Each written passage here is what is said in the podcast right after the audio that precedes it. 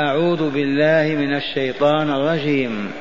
إن في خلق السماوات والأرض واختلاف الليل والنهار لآيات لأولي الألباب.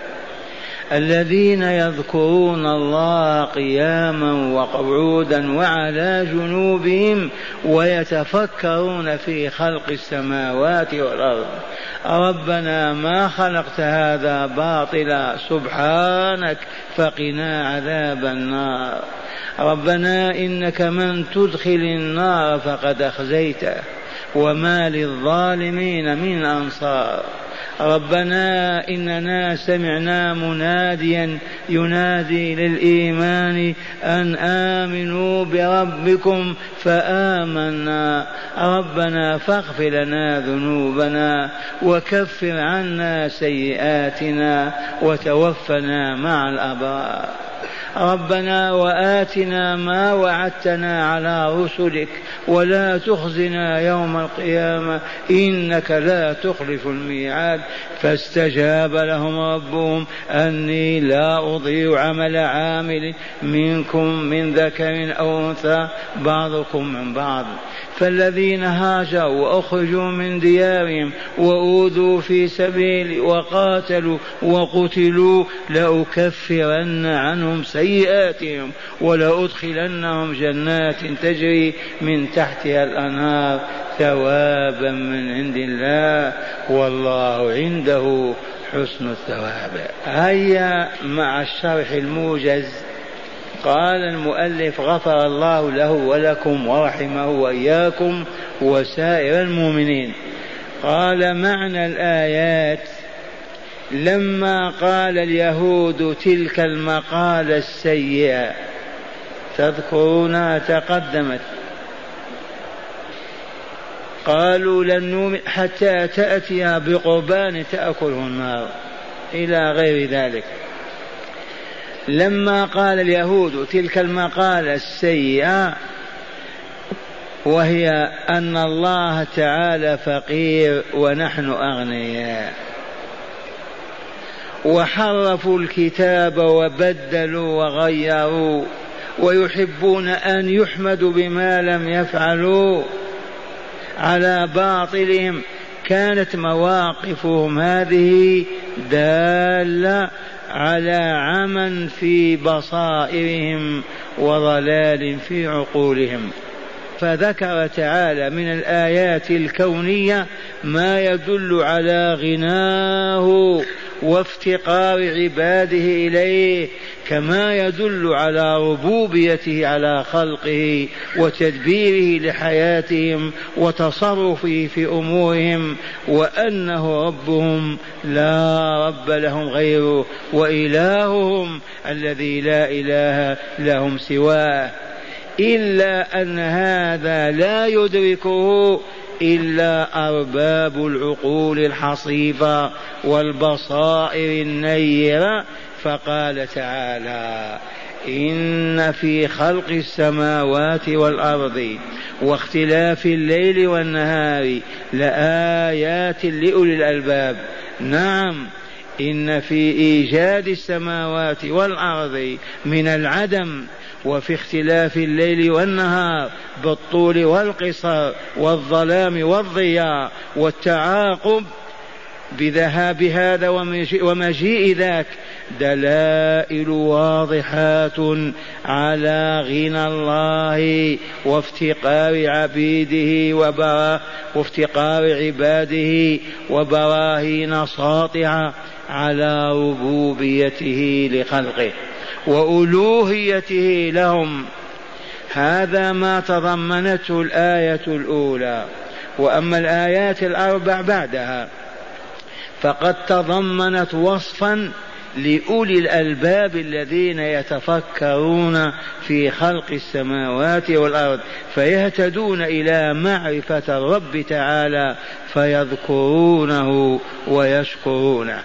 فقال تعالى عنهم الذين يذكرون الله قياما وقعودا وعلى جنوبهم.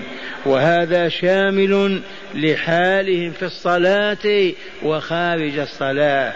وقال عنهم ويتفكرون في خلق السماوات والأرض أي في إيجادهما وتكوينهما وإيداعهما وإبداعهما وعظيم خلقهما وما أودع فيهما من مخلوقات.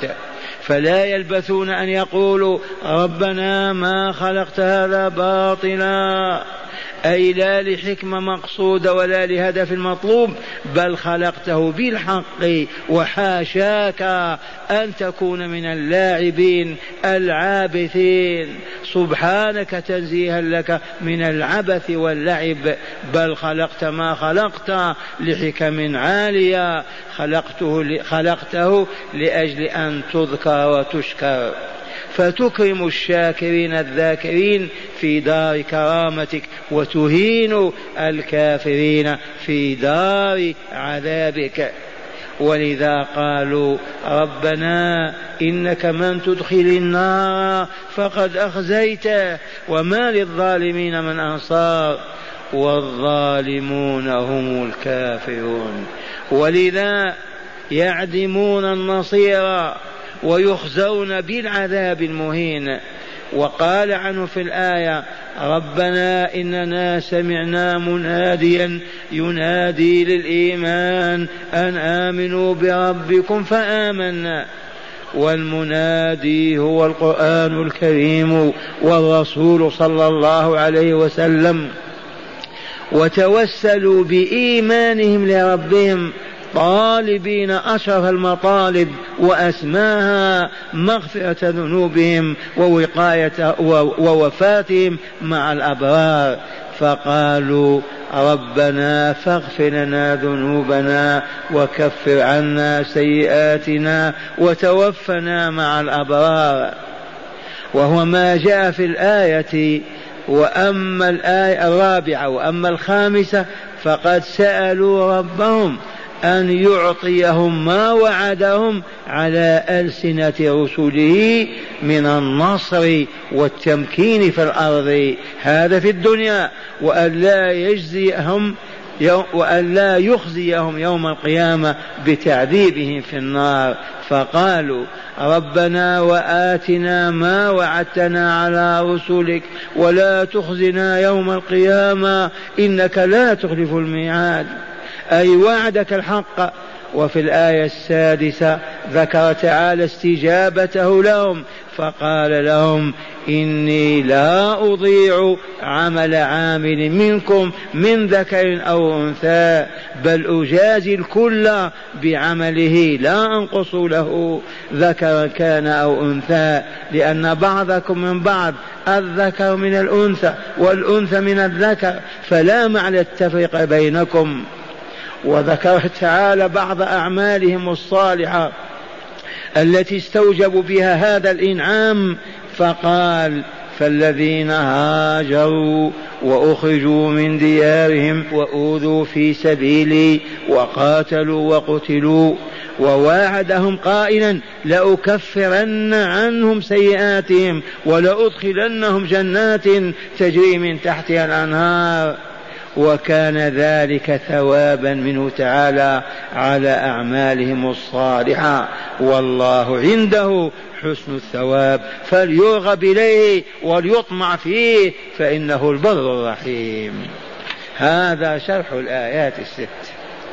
والآن هداية الآيات. هيا نتذكر نتفكر نستنبط هذه الهدايات الموجودة في الآيات. اولا وجوب التفكر في خلق السماوات والأرض للحصول على المزيد من الإيمان واليقين. وجوب التفكر انما هو واجب. إيمانك لا يثبت ويقينك لا يتحقق إلا بالتفكر. أصبح التفكر واجب. وجوب التفكر في خلق السماوات والأرض للحصول على المزيد من الإيمان والإيقان. يبقى التفكر في خلق السماوات في المخلوقات كلها ينتج الإيمان واليقين. هل يجوز أن نتفكر في ذات الله؟ الجواب لا. يقول صلى الله عليه وسلم تفكروا في آياته ولا تتفكروا في ذاته فإنكم لا تقدرون الله قدره.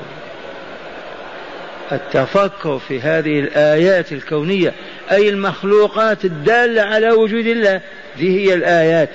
واجب لاستخراج الإيمان واليقين والتحصيل عليهما. التفكر في ذات أنت عاجز أن تتفكر في ذات الله. ما عندك قدرة أبدا. ما تستطيع. لعجزك فقط. وإن قلت كيف؟ قلنا لك الآن الملائكة تحفنا. رأيتهم؟ انظر. عاجز ما ما تقدر. عقلك محدود الطاقة. كبصرك وسمعك. أنت تسمع؟ إيه نسمع. كم ميل؟ عشرة كيلو متر هذا الصوت. وبعد ذلك ما تسمع تبصر انظر ما تحت الجبل خمسة كيلو بعد ذلك. ما أصبح لبصرك. طاقتك البدنية احمل الشيخ والكرسي. آه ما استطعت. محدودة وإلا لا؟ عقلك كذلك والله محدود. فلهذا لا تتفكروا في ذات الله فإنكم أعجز من أن تدركوا شيئا. ولكن تفكروا في مخلوقاته بذلك يثبت إيمانكم ويزيد يقينكم. من أين أخذنا هذا؟ من قوله إن في خلق السماوات والأرض واختلاف الليل والنهار لآيات الألباب الذين يذكرون الله قياما وقعودا ولا جنوبهم ويتفكرون في خلق السماوات والأرض ويقولون ربنا ما خلقت هذا باطلا. سبحانك فقنا عذاب النار. وأنتم منهم إن شاء الله. ثانيا استحباب تلاوة هذه الآيات. إن في خلق السماوات إلى آخر السورة وهي إحدى عشر آية وذلك عند القيام للتهجد آخر الليل. لثبوت ذلك في الصحيح عن النبي صلى الله عليه وسلم. وقد أصبحتم الحمد لله كلكم تأتون هذه الآيات. ولو قبل الفجر بخمس دقائق. ولو طلع الفجر. ثالثا استحباب ذكر الله في كل حال من قيام أو قعود أو اضطجاع أي النوم. بل على كل الأحايين كما قالت أمنا عن نبينا إذ قالت كان النبي صلى الله عليه وسلم يذكر الله على كل أحايينه اللهم إلا عند التخلي للتبرز إذا كنت على كرسي المحاض عندما تريد أن تدخل قدم رجلك اليسرى أولا واستعذ بالله. ثبات اللهم إني أعوذ بك من الخبث والخبائث. الرجس النجس الشيطان الرجيم. بسم الله الذي لا إله إلا هو ثم أرمي برجلك اليسرى. تدخل وإذا دخلت فلا تذكر الله. وإن كان المال الوضوء هناك توضأ ولكن لا تقل بسم الله. خليها في قلبك.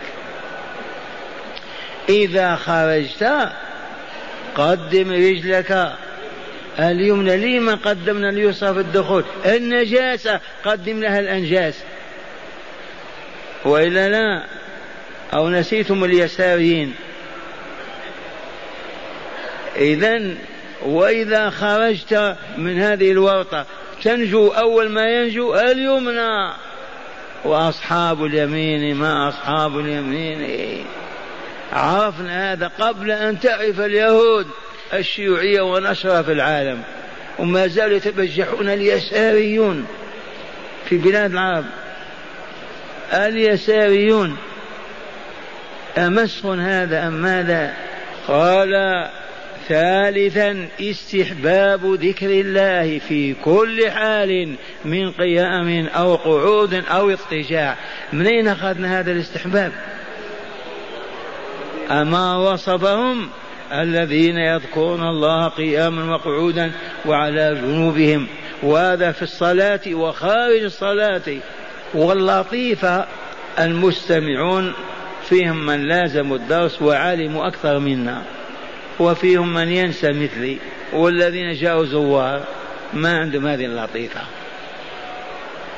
لما لما تخرج من المرحاض أول ما تلقي برجلك اليمنى وتخرج قل غفرانك ربنا وإلى المصير. الحمد لله الذي أذهب عني الأذى وعافاني. الحمد لله الذي رزقني طيبا وأخرجه مني خبيثا. أذكار هذه عند الخروج من المرحاض. لما يقول غفرانك؟ ما قال اللهم اغفر لي جملة فعلية طويلة. غفرانك. كأنه شعر بأنه قضى دقائق قد تطول وتقصر ما ذكر الله فيها. ما ذكر. فكيف يستدرك ذلك؟ غفرانك. وشيء آخر لما يفرز الإنسان البول والقرآن يفرزهما بسهولة بيسر كم من إنسان تعظى بوله أو تغوطه فرضي أن يخرج من كل ما يملك ليخرج منه العاذرة أليس كذلك يا دكتور أحمد؟ وأنت طبيب جراح. إيه نعم. لولا لطف الله وتدبيره يبقى الطعام والشراب والبول. اصرخ يجوا لك عملية جراحية يخرج البول كل يوم. ما في حياة. هذه النعمة تنسى وتكفر ويبول ويخرجون كالحيوانات. لا يذكرون الله ولا يشكرونه. من هؤلاء؟ الأموات الجهال. أما العالمون غفرانك ربنا وإليك المصير. استحباب التعوذ من النار بل وجوبه ولو مر في العمر. هذا الرقم الرابع. استنبط من الآيات استحباب التعوذ من النار بل وجوبه ولو مرة في الحياة. ولو مرة تقول اللهم إني أعوذ بك من عذاب النار. اللهم قيني عذاب النار. ولو مرة لكن نحن كل صلاة. اللهم إني أعوذ بك من عذاب جهنم وعذاب القبر. أربع كلمات. ما صلى الرسول صلاة إلا تعوذ بالله منها. على الأقل في الفريضة إذا استعجلت في النافلة. بعد أن تحيي الرحمن وتقول التحيات لله والصلوات والطيبات كلها لله. تواجه الرسول الكريم بين يديك وتقول السلام عليك أيها النبي ورحمة الله وبركاته. قلت لكم أعيدها. والله العظيم إذا غفلت وحييت الرسول ولا ماني معاه اعيدها ما طابت. وجها لوجه. السلام عليك أيها النبي ورحمة الله وبركاته. وأحاول أن يكون منطقي كأنه بين يدي. ما هي بربرية هكذا. لو تقف بين يدي الرسول كيف تسلم عليه؟ عرفتم. نحتاج إلى مولد في العام مرة. لنذكر النبي صلى الله عليه وسلم أين يذهب بعقول قومنا؟ نحن مع رسولنا في كل صلاة نواجهه بالتحية والسلام عليه. أو ننساه نتركه ونشتغل بالباطل واللهو. وإذا جاء العام جاء شهر ربيع نقيم ذكرى للرسول صلى الله عليه وسلم. وإذا قلت بدعة وخطأ آه تكره النبي أنت لا إله إلا الله أين يذهب بعقول المؤمنين يا شيخ عقولهم غطاها غشاها الجهل ما عرفوا الله ولا الطريق الموصل إليه فهم يخبطون ويتخبطون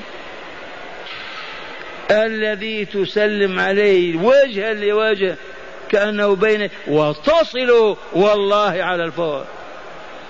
إذا قلنا اللاسلكي يقولوا إيه نعم. وهذه ما من خلق اللاسلكي من خلق أمواج الأثير أليس الله والرسول صلوا علي حيثما كنتم فإن صلاتكم تبلغني. قال استحباب ذكر الله في كل حال من قيام أو قعود أو اضطجاع. رابعا استحباب التعوذ من النار بل وجوبه ولو مر في العمر. لأن الله أوجبه لكن بدون عد ولو مر. لكن كما علمتم عندما نحيي ونصلي وبعد نقول السلام عليك أيها النبي ورحمة الله وبركاته. ثم نقول السلام علينا وعلى عباد الله الصالحين. فوالله ما يبقى عبد صالح في الأرض ولا في السماء إلا نالته. تحيتك هذه. من حملة العرش والملائكة إلى الأرض. ما من عبد صالح إلا نالته هذه التحية.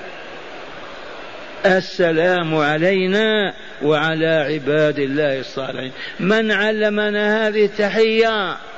ابتكرناها اخترعناها. قال سيدي فلان هذا رسول الله صلى الله عليه وسلم. هو الذي علمنا كيف نحيي أهل الأرض والسماء.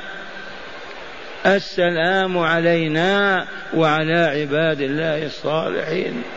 ثم نصلي على رسول الله صلاة أعظم الصلوات اللهم صل على محمد وعلى آل محمد كما صليت على إبراهيم وعلى آل إبراهيم إنك حميد مجيد. اللهم بارك على محمد وعلى آل محمد كما باركت على إبراهيم وعلى آل إبراهيم. إنك حميد مجيد. اسمعوا ذي أكمل صلاة على الإطلاق.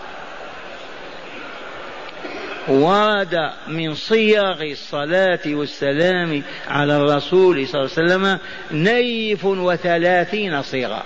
هذه أكملها وأتمها. قد تنقصها لما تقول اللهم صل على محمد وعلى آل محمد كما صليت على إبراهيم وآل إبراهيم إنك حميد مجيد وبارك على محمد. قل اللهم. تنقص.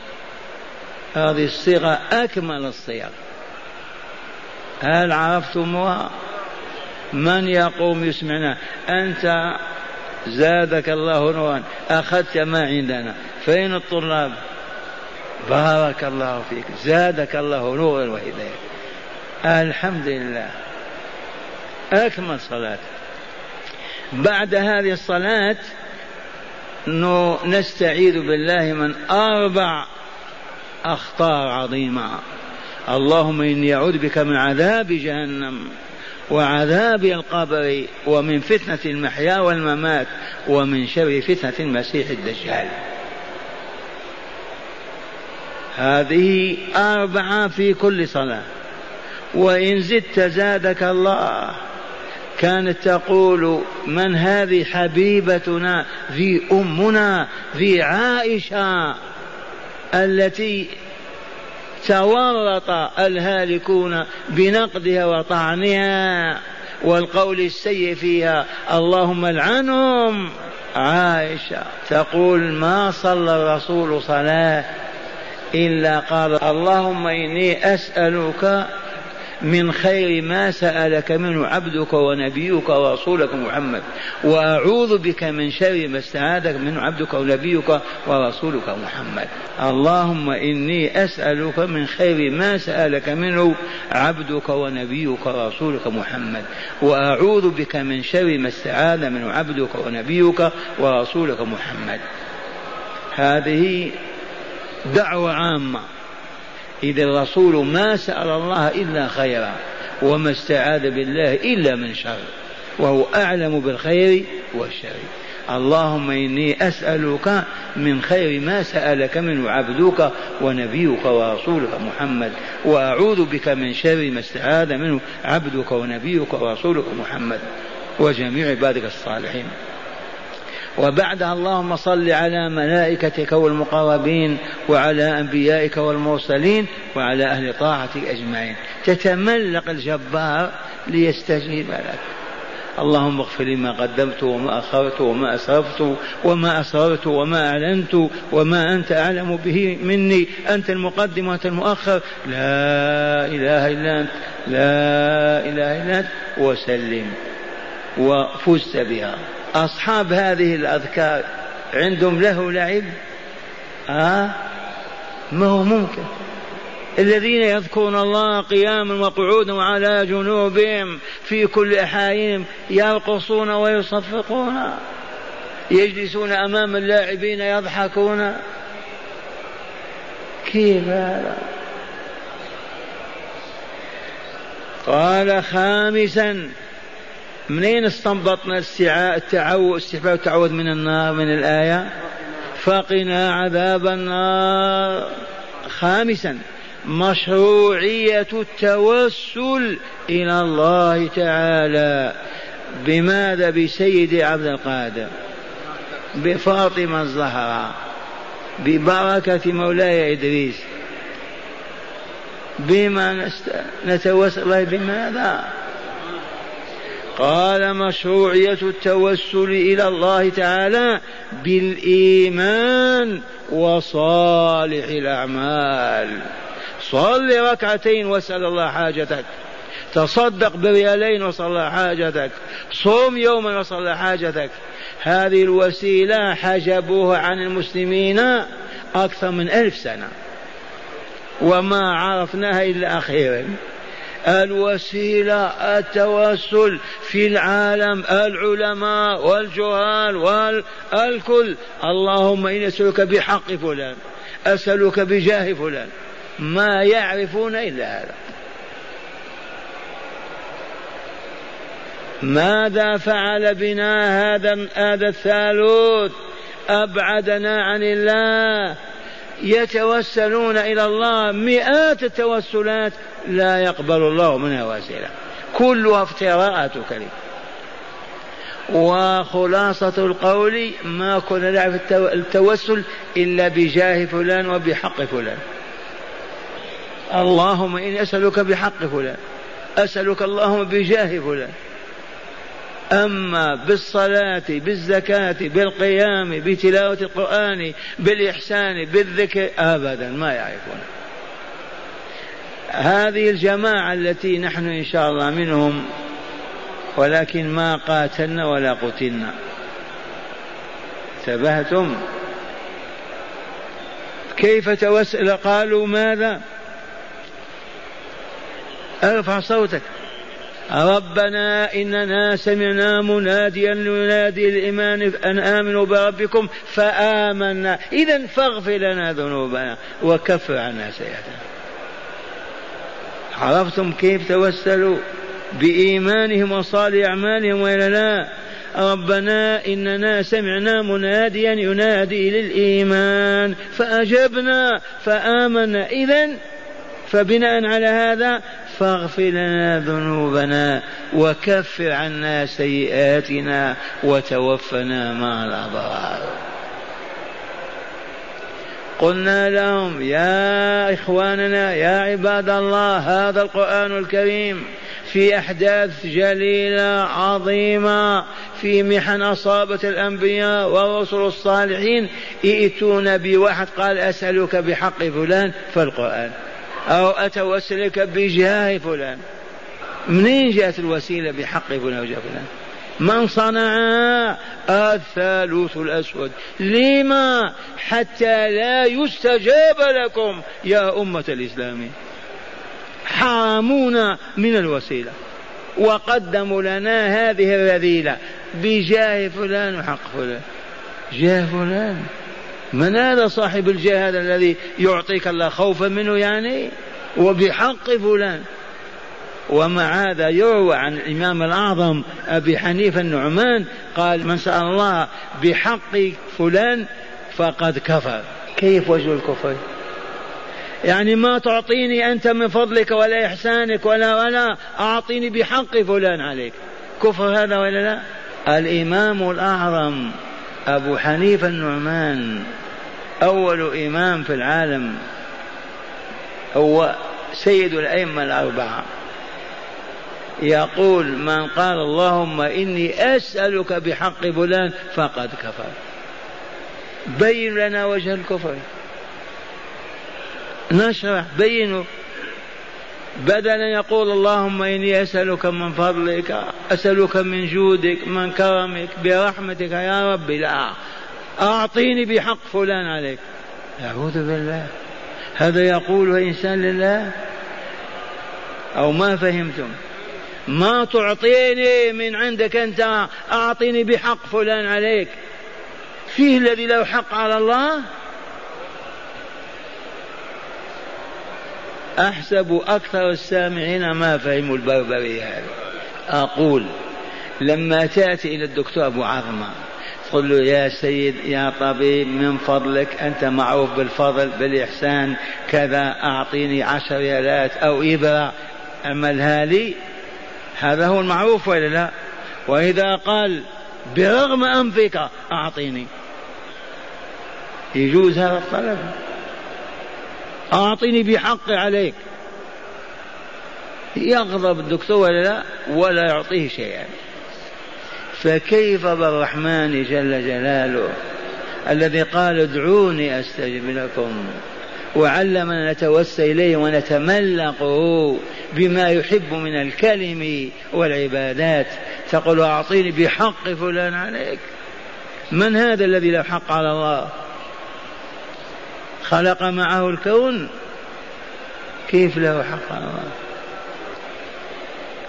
يعقب الدكتور يقول ورد في الحديث بحق السائلين عليك. هذا لما تخرج من بيتك تقدم رجلك اليمنى وأنت ذاهب إلى بيت الرب لا إلى الدكان. تقول بسم الله آمنت بالله اعتصمت بالله توكلت على الله ولا حول ولا قوة إلا بالله. اللهم إني أسألك بحق السائلين عليك وبحق ممشاي هذا. هذا الممشى له حق صاحبه يعطى ولا ما يعطى؟ آه الذي يسأل الله عز وجل له حق أن يعطى ولا لا؟ ما قال ادعوني أستجب لكم. فأنا دعوتك أعطيني حق الدعاء هذا. أنت الذي تبرعت به وجعلت لنا حقا عليك. استحباب مشروعية التوسل إلى الله تعالى بماذا؟ بحق فلان وجاه فلان؟ هذه انتهت. ماتت. لا حياة لها. فرية باطلة ولكن بالإيمان وصالح الأعمال الصلاة والصدقات والذكر وقراءة القرآن وتنظيف الطريق للمؤمنين. كل الأعمال الصالحة اعملها واسأل الله بعدها. عطلونا من الأعمال الصالحة وكممونا وتركونا مربوطين بجاه فلان وحق فلان. والله الملايين من المسلمين. لا يفهمون التوسل إلا بأعطيني بحق فلان وجاه فلان. لكن الحمد لله استنار الكون هذه حدود خمسين ستين سنة. قال سادسا فضل الهجرة والجهاد في سبيل الله. عرفنا الهجرة كررنا الحديث نمتحن أولا ما حكم الهجرة في الإسلام؟ واجبة على من تجب على مؤمن ما استطاع أن يعبد الله في أرض. وإن كانت مسقط رأسه وإن كانت دار أنسه وأهله ما استطاع أن يعبد الله فيها يجب أن يهاجر إلى أرض أخرى يعبد الله فيها. واضح هذا المعنى ولا لا؟ يحل لمؤمن أن يقوم أو نعيش في بلد لا يستطيع أن يعبد الله فيه. وإن كان يملك ما يملك من المال وإن خرج حافيا غير منتعل مكشوف الرأس غير مقطع وترك كل شيء وخرج ليعبد الله عز وجل. ربح البيع أبا ربح البيع أبا يحيى ربح البيع أبا يحيى. هذا صهيب الرومي كان صانعا في مكة وكان له مال عاش سنين.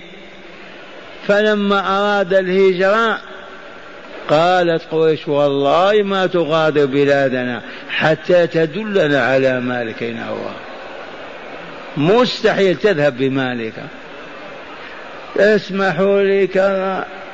وضع أيديهم على خزانته قالوا امشي الآن. خرج بلا شيء. ما إن رآه أبو القاسم من بعيد حتى قال ربح البيع أبا يحيى ربح البيع أبا يحيى. باع الدنيا كلها بالآخرة. باع ذلك المال بحب الله وذكره ومتابعة رسوله صلى الله عليه وسلم. هيا نهاجر. ما نستطيع. كيف نهاجر؟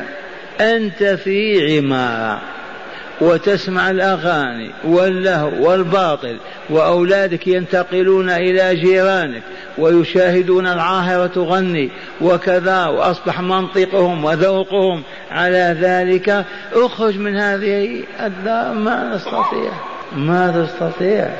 هذه هي الهجرة. المهم الهجرة لا يغلق بابها حتى تغرب الشمس من غروبها. أيما مؤمن وجد في دار في حي في قرية في جبل لا يتمكن أن يعبد الله فيه إلا وجبت عليه الهجرة. ليس يذهب من إقليم إلى إقليم بحدود المهم إلى مكان يعبد الله فيه. الهجرة فضلها قومه القرآن جعله ما كماذا؟ كالجهاد. مات في أقرب بلاد دخل الإسلام في جنوب أوروبا. إذا مات مهاجر. انتبهتم؟ فخرج العديد القليل من الناس في جنازته. ومات شهيد فخرج أهل البلاد. فقال لهم أحد الأصحاب والله لا أفضل بين أن أموت مهاجرا أو مجاهدا. وقرأ الآية من سورة النساء. والذين هاجروا في سبيل الله ليدخلنهم مدخلا يرضونه. والذين هاجروا في سبيل الله ثم قتلوا أو ماتوا. الشاهد عندنا عظام الهجرة كعظام الجهاد. والمنزل سواء. ويكفينا أن الله أثنى عليهم بهذا ولا لا؟ والذين هاجروا في سبيل الله ثم قتلوا أو ماتوا. قال فضل الهجرة الهجرة والجهاد في سبيل الله لا في سبيل الوطن. في سبيل الله وفي سبيل الوطن. نسيتم سبيل الوطن هذه؟ إيه. أنا شيء تغنى بها البنات والبنون. في ديار العروبة الوطن حرروا الطين والتراب. وتحرر طينهم وترابهم ولم يعبد فيها الله. في سبيل الله من أجل الطريق الموصل إلى رضا الله عز وجل. وهو أن يعبد وحده بما شرع وبين رسوله وعلم. قال سابعا المساواة بين المؤمنين والمؤمنات في العمل والجزاء. من أين استنبطنا هذا؟ إني لا أضيع عمل عامل منكم من ذكر أو أنثى. بعضكم من بعض. أي فرق إذا المساواة بين المؤمنين والمؤمنات في العمل والجزاء. العمل إذا صليت ركعتين تعطى خمسين حسنة والمرأة تعطى عشرة. ممكن؟ مستحيل. صمت وإياها أنت بما أنك رجل فهل تعطى مئة حسنة؟ وفلانة أمك وإلى امرأتك تعطي سبعين. لأنها أنثى. هذا ما به أبدا. بالتساوي. دخلتم الجنة. الرجل يأخذ جاء مثلا جنة كذا والأنثى لا دون والله ما كان. المساواة الكاملة. واسمع الله يقول إني لا أضيع عمل عامل منكم من ذكر أنثى. بعضكم بعض. الآن باستثناء هذه البقعة والفؤوس راح تضرب ليل نهارا.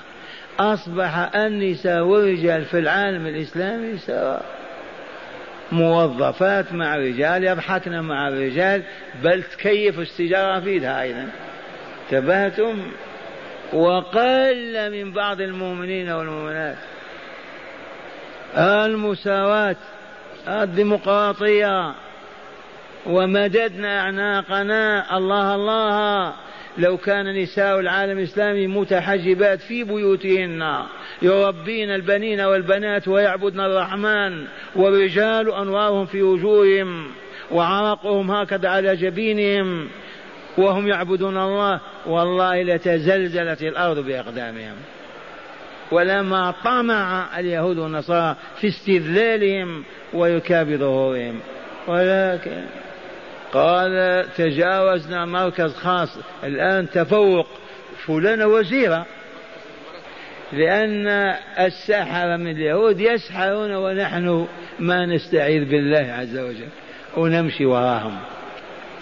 قال ثامنا استحباب الوفاة والموت بين الأبرار وهم أهل الطاعة لله ولرسوله والصدق فيها وذلك بالحياة معهم والعيش بينهم لتكون الوفاة بإذن الله معهم. وهذا يساعد عليه الهجرة. اذهب إلى قرية أهلها صلحاء ربانيون أبرار عيش معهم لتموت معهم. أما تجلس في قرية البدع والكفر والضلالات وتموت بينهم أعوذ بالله.